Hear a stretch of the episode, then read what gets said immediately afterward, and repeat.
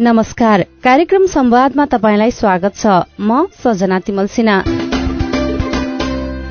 कार्यक्रम संवाद सामुदायिक रेडियो प्रसारक संघ अखुराबद्वारा संचालित सामुदायिक सूचना नेटवर्क सीआईएन मार्फत देशभरि प्रसारणमा रहेका करिब तीन सय सामुदायिक रेडियोबाट सुन्न सकिन्छ। यो कार्यक्रम डब्लूडब्लूडब्लू डट सीआईएन खबर डट कममा इन्टरनेट मार्फत चाहेको बेला विश्वभरि सुन्न सकिन्छ भने मोबाइल एप सीआईएन डाउनलोड गरेर पनि सुन्न सकिन्छ। कार्यक्रम संवाद कोविड उन्नाइस र स्वास्थ्यसँग सम्बन्धित विविध विषयमा केन्द्रित रहनेछ। आजको कार्यक्रममा हामी नेपालकै पहिलो मानव बैंकमा परामर्शदाताको कुरा नेपाल सहित विश्वभर बढ़दो गर्मी र गर्मीले मानव स्वास्थ्यमा पार्ने असर लगायतका विषयमा कुराकानी गर्नेछौं। नेपालमा पहिलो पटक शिशुको स्वास्थ्यलाई ध्यानमा राखी मानव दूध बैंकको स्थापना गरिएको छ। भदौ तीन गते राष्ट्रपति विद्यादेवी भण्डारीले परोपकार प्रसूति तथा स्त्रीरोग अस्पताल थापाथलीमा मानव दूध बैंकको उद्घाटन गर्नुभयो। बैंक उद्घाटनपछि अस्पतालमा समय अगावै जन्मिएका र आमाको दूध खान नपाएका नवजात शिशुहरूले आफ्नै आमाको नभए पनि आमाको दूध खान पाएका छन्। विशेष गरी दूध बैंकमा दूध जम्मा गर्न आउने र दूध खाने शिशुका आमाहरूलाई दूध बैंकमा दूध कसरी जम्मा गर्ने त्यो दूधले शिशुलाई कस्तो असर गर्छ लगायतका विषयमा परामर्श दिनु आवश्यक हुन्छ। सोही आवश्यकतालाई ध्यानमा राखी दूध बैंकमा कार्यरत एकजना परामर्शदाताको कुरा सुनौ। मेरो नाम रोशना शिल्पकार हो र म अहिले चाहिँ भक्तपुर बस्छु। हालै हामीले चाहिँ ह्युमन मिल्क ब्याङ्क खोलेको चाहिँ वैशाख उन्नाइस गतिबाट हामी आएको भएर चाहिँ म त्यही दिनबाट यहाँ कार्यरत छु। एज अ सिएलएमसी काउन्सिलर अथवा वृहस्थ स्तनपान केन्द्रको चाहिँ परामर्शदाता भएर काम गर्दैछु।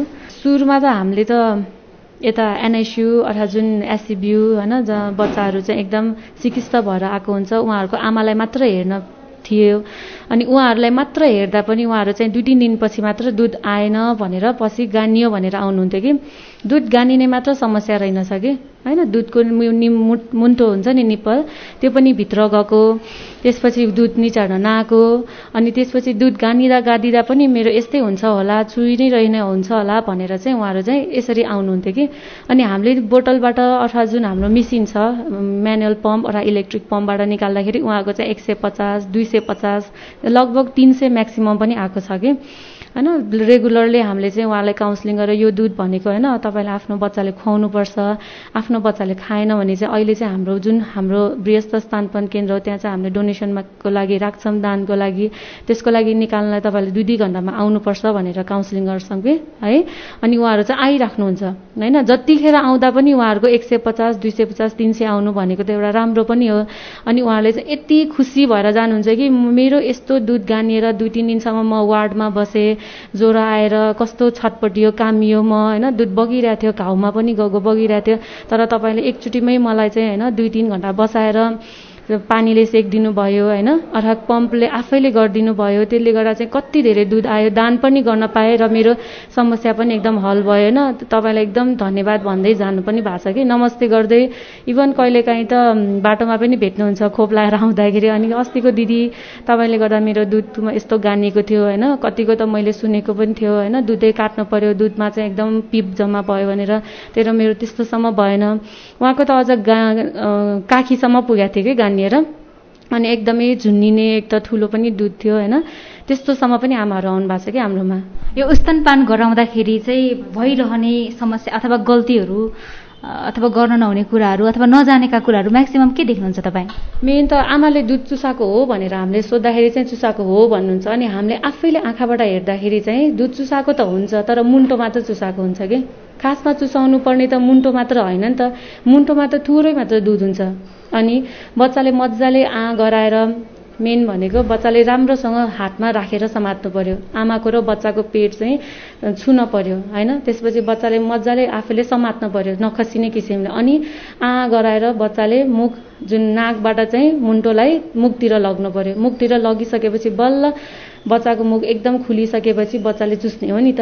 अनि चुस्दाखेरि पनि यो चिउनो चाहिँ बच्चाको चिउनो पनि ब्रुटमा छुन पऱ्यो कि। राम्रोसँग चुस्यो भने चाहिँ स्वाइँ स्वाइँ गरेर दुध पन्ध्र बिस मिनटमै मजाले तिन थरीको दुध आउने हुन्छ नि त त्यो तिन थरीको बाक्लोवाला दुध जुन शरीरको विकासको लागि रोगसँग लड्ने क्षमता जुन आमाको पहिलो खोप पनि भन्छ त्यो आउने हो कि?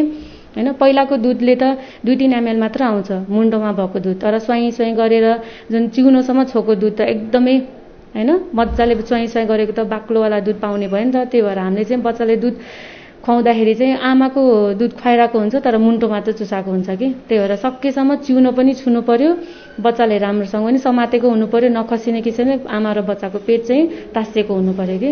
कसरी थाहा हुन्छ? मैले सही रूपमा चाहिँ मेरो बच्चालाई स्तनपान गरिराखेको छु भन्ने अब मजाले तपाईँले दुई दुई घन्टामा दुध चुसाइराख्नु भएको छ भने त बच्चाले पनि दिनको होइन छदेखि आठचोटि अथवा छदेखि दस पटकसम्म पनि पिसाब फेरेको हुन्छ। त्यो राम्रो हो। त्यसपछि दिशा पनि तिनदेखि चार पटक गरिरहेको हुन्छ। वेट पनि दिनको पन्ध्र ग्रामले बढिरहेको हुन्छ। त्यो चाहिँ एउटा सही हो कि? होइन? तिन किसिमको हुने भयो नि त अर्को भनेको बच्चा चाहिँ हेर्दाखेरि हेल्दी पनि हुने भयो छाला नसुकिने होइन? त्यो त बाँकी कुरा नै हो।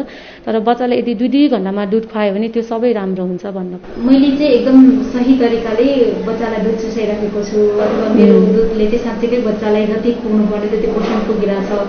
भन्ने कुरा एउटा आमाले कसरी थाहा पाउने? आमाले चाहिँ अब बच्चाले चाहिँ एकदमै दुई दुई घन्टामा मजाले दुध चुसिरहेको छ भने चाहिँ पिसाब पनि त्यही अनुसारको छदेखि दस पटक हुने भयो होइन?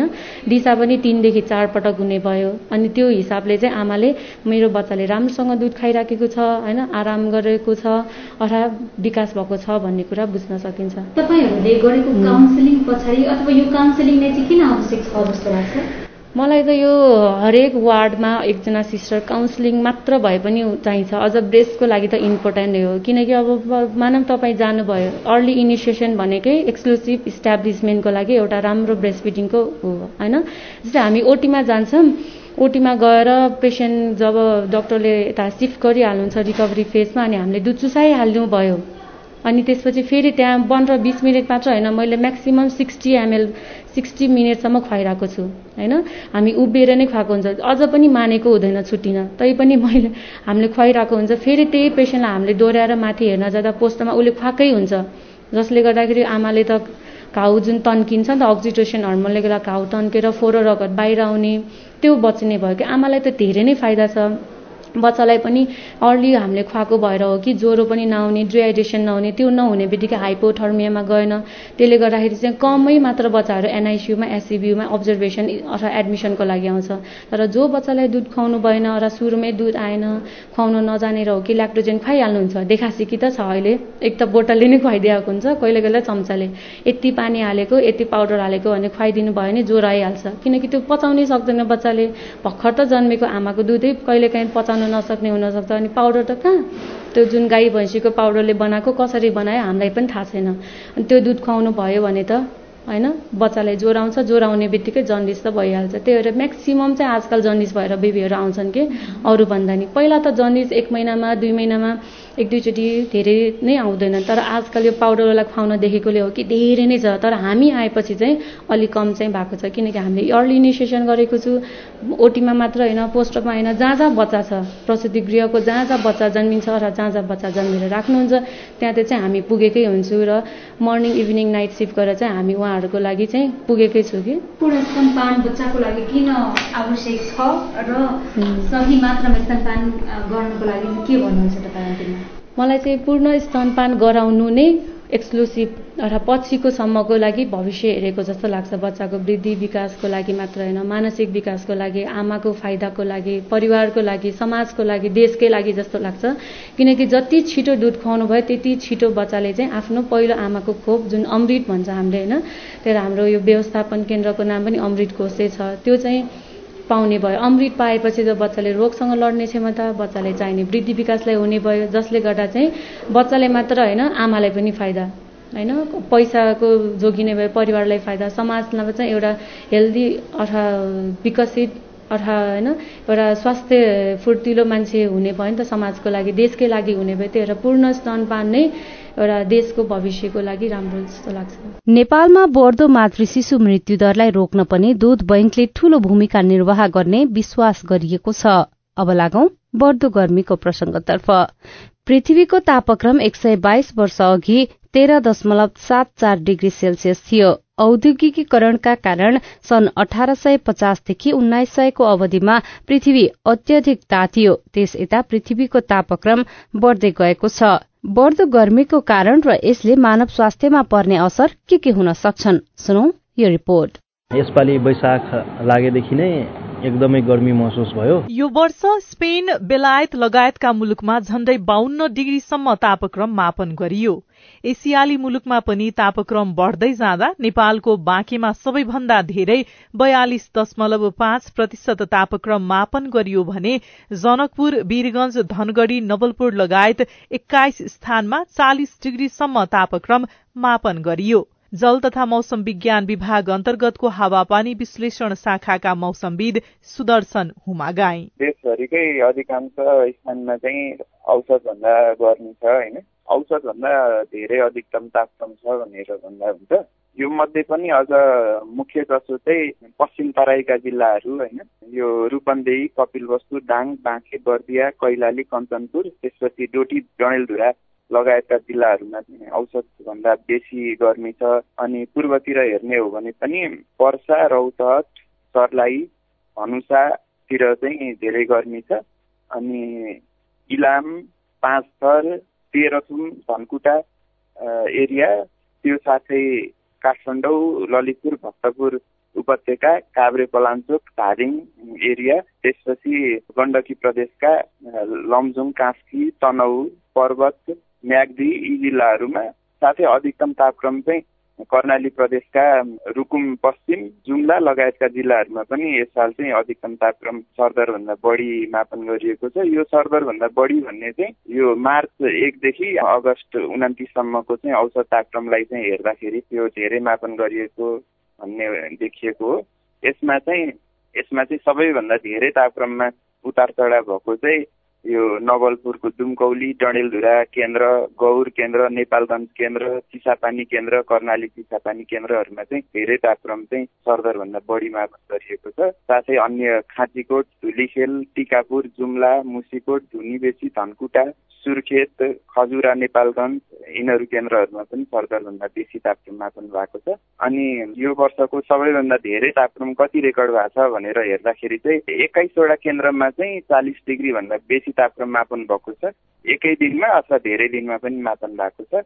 सबैभन्दा धेरै तापक्रम मापन भएको नेपालगञ्जमा हो त्यो चाहिँ जुनको पन्ध्र तारिकमा बयालिस दशमलव पाँच डिग्री सेल्सियस मापन भएको छ भने जुनको चौध तारिकमा नेपालगञ्जमै बयालिस पोइन्ट दुई डिग्री मापन भएको छ। यस्तै नेपालगञ्जकै खजुरा केन्द्रमा बयालिस डिग्री मापन भएको छ जुन चौधमै। अनि तौली हावामा अप्रिल उन्नाइसमा एकचालिस दशमलव छ डिग्री मापन भएको छ। टिकापुरमा जुन चारमा एकचालिस दशमलव छ डिग्री। त्यस्तै जलेश्वरमा अप्रिल चौध तारिकमै एकचालिस दशमलव पाँच डिग्री। दिपायलमा चाहिँ सबैभन्दा धेरै जुनको पाँच तारिकमा एकचालिस दशमलव चार डिग्री सेल्सियस मापन भएको छ। साथै भैरवा एयरपोर्टमा अप्रेलको सोह्र तारिकमा एकचालिस पोइन्ट दुई र अब त्यसै गरी एकचालिस डिग्री मापन भएका तापक्रमहरू तापक्रम मापन भएका केन्द्रहरू चाहिँ तिनवटा छन्। दुमकौली गुलरिया र महेन्द्रनगर। क्रमशः अप्रिल सोह्र जुन चौध र अप्रिल अठारमा भएको छ यो केन्द्रहरूमा। यसै गरी चाहिँ विभिन्न अन्य केन्द्रहरूमा पनि चालिस डिग्री भन्दा बढी तापक्रम मापन भएको छ। विश्व मौसम विज्ञान संगठनले आगामी पाँच वर्षमा पृथ्वीको तापक्रम चालिस प्रतिशतले बढ़न सक्ने चेतावनी दिएको छ। संगठनका अनुसार सन् दुई हजार पच्चीसमा सबैभन्दा धेरै गर्मी हुनेछ। जल तथा मौसम विज्ञान विभागका पूर्व उपमहानिर्देशक मणिरत्न साक्य। यो वर्ष किन गर्मी भयो भन्ने कुरा आफ्नै छ। यस वर्षको गर्मी भएको मेन कारण के भन्दाखेरि हाम्रो आकाशको माथिमा तपाईँ करिब करिब तपाईँ साठी डिग्रीको ल्याटिच्युडमा एउटा चाहिँ जेस्ट्रिम भन्ने ठुलो हावाको लाइन चाहिँ भइरहेको हुन्छ। ठुलो यसलाई हावाको खोला भन्छ हामीहरू त्यसको यसलाई जेस्ट्रिम भने हो। त्यो हावाको खोला के हुन्छ भन्दाखेरि यसले पृथ्वीलाई घुमिरहेको हुन्छ त्यो घुमिरहने कारणले गर्दाखेरि तपाईँको चाहिँ त्यो बहने बेला चाहिँ नागबिर आकारमा बहन्छ। र यो जसले नागबिर आकारमा बहने गर्छ त्यो सेपले गर्दाखेरि त्यसले टेम्परेचर चेन्ज ल्याउँछ। त्यो एउटा मेजर कारण हो जसले गर्दाखेरि टेम्परेचर बढ्छ। जलवायु परिवर्तन एउटा क्लाइमेट चेन्ज भनिहालेँ होइन? क्लाइमेट चेन्ज भनेको कस्तो हुन्छ भन्दाखेरि यो चाहिँ रहिरहने इफेक्ट तपाईँको? यो चाहिँ यो क्लाइमेट चेन्ज इफेक्ट देखेपछि यो चाहिँ अब रहिरहन्छ। यो आज त टेम्परेचर बढ्यो भोलि घट्नेवाला होइन। फेरि आज बढ्यो भोलि घट्यो भने त्यसले हामी क्लाइमेट चेन्ज चाहिँ भन्दैनौँ। एक्चुली क्लाइमेट चेन्ज असर देखिसकेपछि त्यसको कन्टिन्यू चाहिँ यसको इफेक्ट देखिरहन्छ क्लाइमेट चेन्ज भनेको यस्तो पो सबरी साट्नु भयो हाम्रो घर बढेको भयो मानव आदि बढेको भयो सबै कुराहरू सबै कारणले गर्दा टेम्परेचर बढ्ने क्लाइमेट चेन्ज भन्छौँ हामी एउटाले मात्र क्लाइमेट चेन्ज भन्दैनौँ। यसको climate change is effect of all this things सबै कुराहरूलाई एकैचोटि तपाईँको यसले चाहिँ टेम्परेचर बढाउँछ वा घटाउँछ पनि। क्लाइमेट चेन्ज भने टेम्परेचर बढ्नु मात्रै पनि होइन। क्लाइमेट चेन्जमा टेम्परेचर घट्नु पनि हो। त्यस कारण चाहिँ अहिले चाहिँ टेम्परेचर बढ्ने क्रममा छ। त्यस कारण हामीलाई चाहिँ हामी वार्मिङ फेजमा भन्छौँ। बेलायतका मौसम वैज्ञानिक लियो हर्मेन्सले आगामी दुई वर्षमा पृथ्वीको तापक्रम दुई गुणाले बढ़दा प्रविधि मुख्य कारक हुने बताइसक्नु भएको छ। अत्यधिक गर्मीका कारण पछिल्लो दुई वर्षमा मात्रै विश्वभर एक लाख भन्दा बढ़ी मानिसको मृत्यु भएको मोनास विश्वविद्यालय अस्ट्रेलियाले गरेको अध्ययनमा उल्लेख गरिएको छ। बढ़दो गर्मी मानिसको मृत्यु कारक कसरी बन्छ? एकजना चिकित्सक डाक्टर दिपेश साक्य। हाम्रो शरीरमा यदि तापक्रम बढ्यो भने चाहिँ दुई तिन प्रकारको कारणले चाहिँ हाम्रो शरीरमा अप्ठ्यारो हुन्छन्। पहिलो कुरा अब यसले चाहिँ हिट स्ट्रोक भन्छौँ हामी। एकदम गर्मी भइसकेपछि हाम्रो शरीरमा चाहिने पानीको मात्रा एकदम कम भएर जान्छ। जसले गर्दाखेरि चाहिने रगतको सञ्चार नपुगेर मुटुको चाल चाहिँ तपाईँको चाहिँ उसलाई स्ट्रेस हुन्छ मुटुलाई चाहिँ एकदम गाह्रो हुन्छ। अनि रगत सञ्चार राम्रो नभइसकेपछि के भयो हाम्रो दिमागमा पनि रगत सञ्चार पुगेन शरीरमा चाहिने सबै सञ्चार भएन। जसले गर्दाखेरि चाहिँ हाम्रो बडीको सिस्टम चाहिँ सटडाउन हुन्छ। अङ्गले काम गर्न छोड्छ। किनभने हाम्रो शरीरमा चाहिँ पानी भनेको सत्तरी प्रतिशत पानी हुन्छ। सत्तरी प्रतिशत पानी। यदि एकदम गर्मी भएको बेलामा त्यो पानीको मात्रा कम भएर गइसकेपछि हाम्रो शरीरमा त सर्कुलेसन गर्ने सबै सिस्टम के हो? हाम्रो त्यसको ग्रिज भनौँ कि रगत भनौँ कि हाम्रो जस्तै तपाईँको चाहिँ चिल्लो पदार्थ ल्याउनेदेखि लिएर हाम्रो रगत रगत भनेको चाहिँ हाम्रो शरीरभरि घुम्ने तत्त्व चिजहरू हुन्। त्यो घुम्ने चिज राम्रो नपाइसकेपछि शरीरमा चाहिने खुराक त हाम्रो नसा नसामा पुग्नु पर्यो सेल सेल्समा कोशिका कोशिकामा पुग्नु पर्यो त्यो नपुग्दाखेरि के भयो? उनीहरूले राम्ररी काम गर्न नसक्दा बिरामीहरू बेहोस भए जस्तो हुने रिङ्गटा जस्तो हुने प्रेसर लो हुने तपाईँको पिसाबको मात्रा कम हुने मुटुको चाल कम हुने रगत न कम पानी कम भएपछि रगत भनेको त पानी हाम्रो पाँच लिटर त्यो धेरै हिटले कम भएपछि त्यसको संसार दिमागमा राम्रो नपुग्दाखेरि बिरामी बेहोस हुने। त्यो एउटा हुन्छ भने धेरै पनि हिट भइसकेपछि अब रगत शरीरभरिमा हिट भइसकेपछि हाम्रो मेन मेन अर्ग्यानहरू जस्तै दिमाग दिमागले नै राम्रो काम गर्न नसक्ने हुन्छ। दिमागको कोशिकाहरू मरेर जान सक्छ जुन चाहिँ हिट हिटको कारणले। त्यसपछि दिमाग यदि चलेन भने हाम्रो जुन चाहिँ मेन इन्फर्मेसन हाम्रो सुझाव दिमागले चाहिँ हाम्रो शरीरभरि दिने हो। त्यो राम्ररी दिन नसक्दाखेरि हाम्रो शरीरको विभिन्न अङ्गहरू चाहिँ राम्ररी काम गर्न नसकिसकेपछि बिरामी चाहिँ अनि त्यसपछि अप्ठ्यारो हुन्छ। हालसम्मको तथ्याङ्क केलाउने हो भने सन् दुई हजार सोह्र सबैभन्दा कम गर्मी भएको वर्ष मानिन्छ। पृथ्वीको तापक्रम प्रत्येक वर्ष बीस गुणाले बढ़दै गएको छ। यसलाई कम गर्न मानव समुदायको भूमिका के हुन्छ?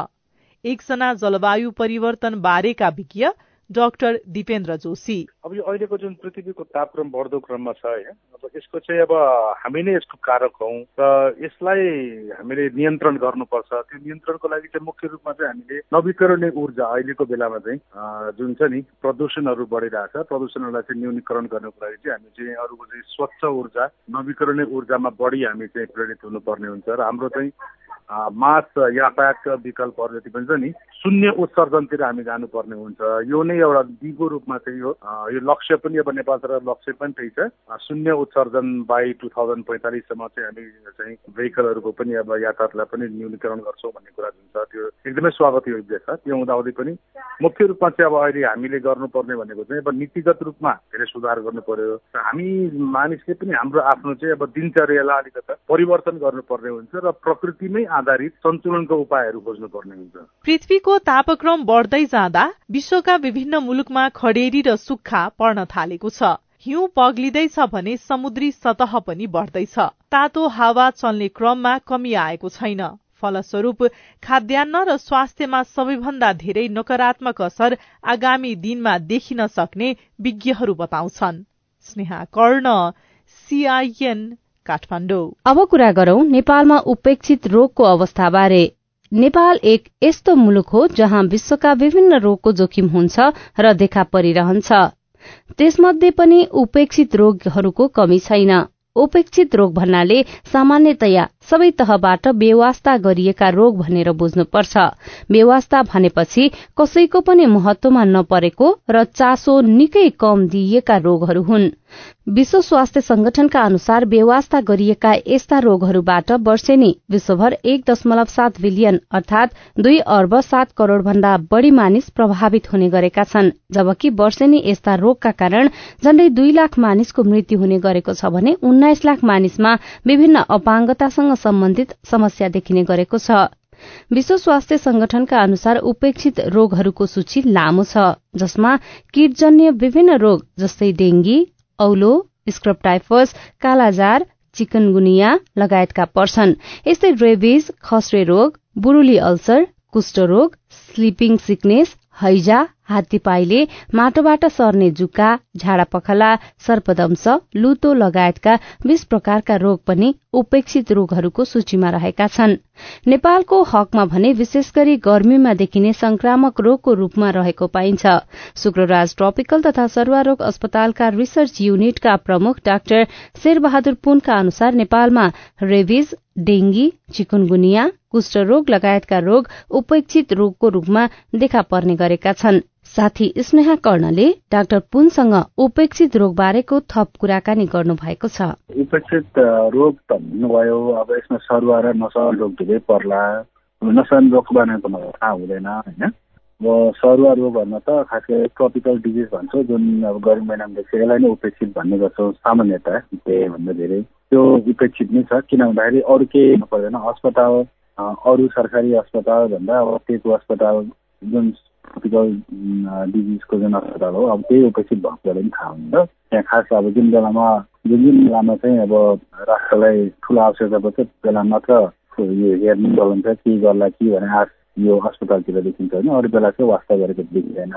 अब यो रोगहरूको यति धेरै नाम छ त्यो भन्नेको साथी छैन तर यसरी चाहिँ ट्रपिकल डिजिजहरू खास गरी चाहिँ जुन गर्मी नाम त्यो उपेक्षित रोगहरू अन्तर्गत बढी मात्रामा चाहिँ पर्ने गर्दछ। जस्तै उदाहरणका लागि यदि हामीले लिने हो भने कुन कुन रोगहरू चाहिँ विशेष गरी उपेक्षामा परेको देख्नुहुन्छ? अब यस्तो छ यो कुन कुन रोग भन्दा पनि धेरै रोगहरू जुन कतिपय त थाहै नै छैन। अब नाम मात्र लिँदाखेरि थोरै होला जस्तो कालाजरको कुरा होला लेप्रेसी अथवा कुष्ठको कुराहरू आउला लगायत त्यस्तै रेबिसको भयो। यो त मैले थोरै मात्र नाम यो बाहेक थुप्रै होला।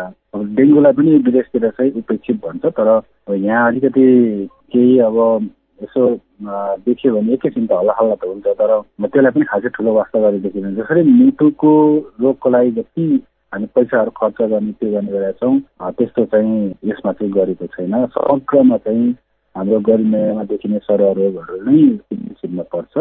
जसको चाहिँ खासै ध्यान दिएको छैन। अब उसको नाम त थुप्रै हुनसक्छ। अब यहाँ एक दुई दिन गरेर त गर्न गाह्रो हुन्छ। त्यहाँ लिस्ट नै छ।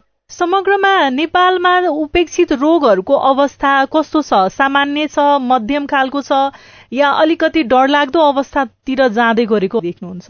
अब पहिला जुन एउटा सीमित एउटा स्थानमा देखिने गरेको जुन रोगहरू छ त्यो चाहिँ बिस्तारै भौगोलिक रूपमा चाहिँ फैलिँदै गएको देखिन्छ जुन चाहिँ एउटा हाम्रो लागि चिन्ताकै विषय हो भन्दा फरक पर्ला।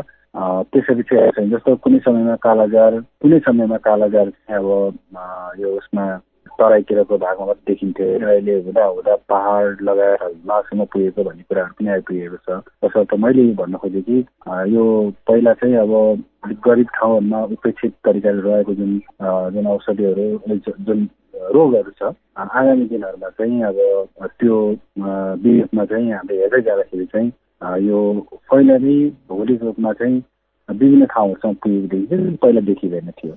भनेपछि अहिलेको जुन हिसाबले सरकारले अन्य रोगहरूलाई जति बजेट छुट्याउनेदेखि लिएर जसरी कामहरू गरिराखेको छ त्यति यी रोगहरूलाई समय दिएको वा यसको लागि ठोस नीति अवलम्बन गरेको छैन भनेर हामीले बुझ्न मिल्छ कि मिल्दैन? पक्कै पनि नामै भनेर हामीले भनिहाल्यौँ। अब यो जुन बेलामा जुन बेलामा समस्या ल्याउँछ राष्ट्रमा जुन जुन बेलामा समस्या हुन्छ त्यो बेलामा चाहिँ हो ल सबै कुराहरू अब उपेक्षित रोगहरू हेर्ने खास गरी प्रदो डिजिजको अस्पतालमा चाहिँ ल अब यो छ यस्तो गर्छ यो त्यो भन्ने कुराहरू चाहिँ बढी गर्छ र अरू बेला चाहिँ चुपचाप हुँदैन। अरू अब सरकारी अस्पतालमा अब ठुल्ठुलो आर्थिक सहायताहरू जनशक्तिहरू तयार पारेर देखिन्छ नि हाम्रोमा चाहिँ त्यो छैन। त्यसले गर्दाखेरि एकबाट पनि थाहा हुन्छ यो कति चाहिँ उपेक्षित छ भन्ने कुराहरू। अब त्यो गरेन भने जस्तो कोभिडकै कुरामा पनि हामी धेरै कुराहरूबाट सुविधा पाउँछौँ। जसले गर्दाखेरि धेरै मान्छेहरूको ज्यान पनि गयो। अरू पनि जस्तो अब यो कुकुरहरूको कुरा गरौँ या कालाजार कुराहरू यसबाट पनि धेरै भइरहेका छन् डेङ्गुको कुरा गर्दाखेरि अहिले अब काठमाडौँ डेङ्गुले एकदम ठुलो प्रभाव पारिरहेको छ आजभोलि नै। अब यसको पनि खासै त्यति गएको देखिँदैन। तर केही गरी चाहिँ अब मोटो ठुल्ठुलो समस्याहरू भइरहेको भए त्यसको लागि ठुलो आर्थिक सहायताहरू हुने किडनी भयो यस्तै कुराहरू चाहिँ छन्। तर यो सरुवा रोग सामान्यतया अलिक बढी मात्रामा चाहिँ उपेक्षित भएको रोगहरू नै गन्छ भन्दा पनि फरक नपर्छ हैजातिर पनि खासै त्यति ठुलो अब पहलहरू गरेको देखिँदैन। खास गरी हुनै नदिनेको लागि हामीसँग विभिन्न उपाय भए तापनि त्यसको लागि चाहिँ अब अलिकति कोसिस नगरेको हो कि भन्ने चाहिँ हुन त सरकारले उपेक्षित भनिएका हात्तीपाईले कुष्ठरोग जस्ता रोगलाई ध्यानमा राखी कार्यक्रम सञ्चालन गरेको छ। यस अन्तर्गत बिरामीलाई नियमित औषधि सेवन गराउनेदेखि निशुल्क उपचारसम्मका कार्यक्रम समावेश छन्। तर यस्ता कार्यक्रममा समुदायको सक्रिय सहभागिताको अभावमा लामो समयसम्म रोग लुकाएर बस्ने र बिरामीले औषधि सेवन नगरिदिने समस्या पनि अत्यधिक छ। आफ्ना नागरिकलाई स्वास्थ्य सेवाको सहज पहुँच सुनिश्चित गर्नु सरकारको आधारभूत दायित्व हो। हाम्रो संविधानले स्वास्थ्यलाई नागरिकको मौलिक हकको रूपमा व्यवस्था गरेको छ। उपेक्षित रोगहरू निवारणका लागि पनि नागरिकको सहयोग लिँदै सरकारले नै विशेष पहल कदमी लिनुपर्छ किनकि नबुझ्ने नागरिकलाई बुझाउनु र उनीहरूको जीवन रक्षा गर्नु सरकारको दायित्व हो। यो सँगै आजको लागि कार्यक्रम संवादको समय सकिने लाग्यो। आजको विषयवस्तु तपाईँलाई कस्तो लाग्यो? तपाई हामीलाई हाम्रो टेलिफोन नम्बर शून्य एक बान्न साठी छ चार छमा फोन गरेर आफ्नो कुरा भन्न सक्नुहुनेछ। साथै तपाईँले हामीलाई हाम्रो Facebook page at the rate CIN खबरमा गएर पनि आफ्ना कुरा लेख्न सक्नुहुनेछ। सीआईएनले तयार पारेको कार्यक्रम संवादबाट प्राविधिक साथी सुरेन्द्र सिंहसँगै सजना तिमल सिना विदा हुन्छु। नमस्कार।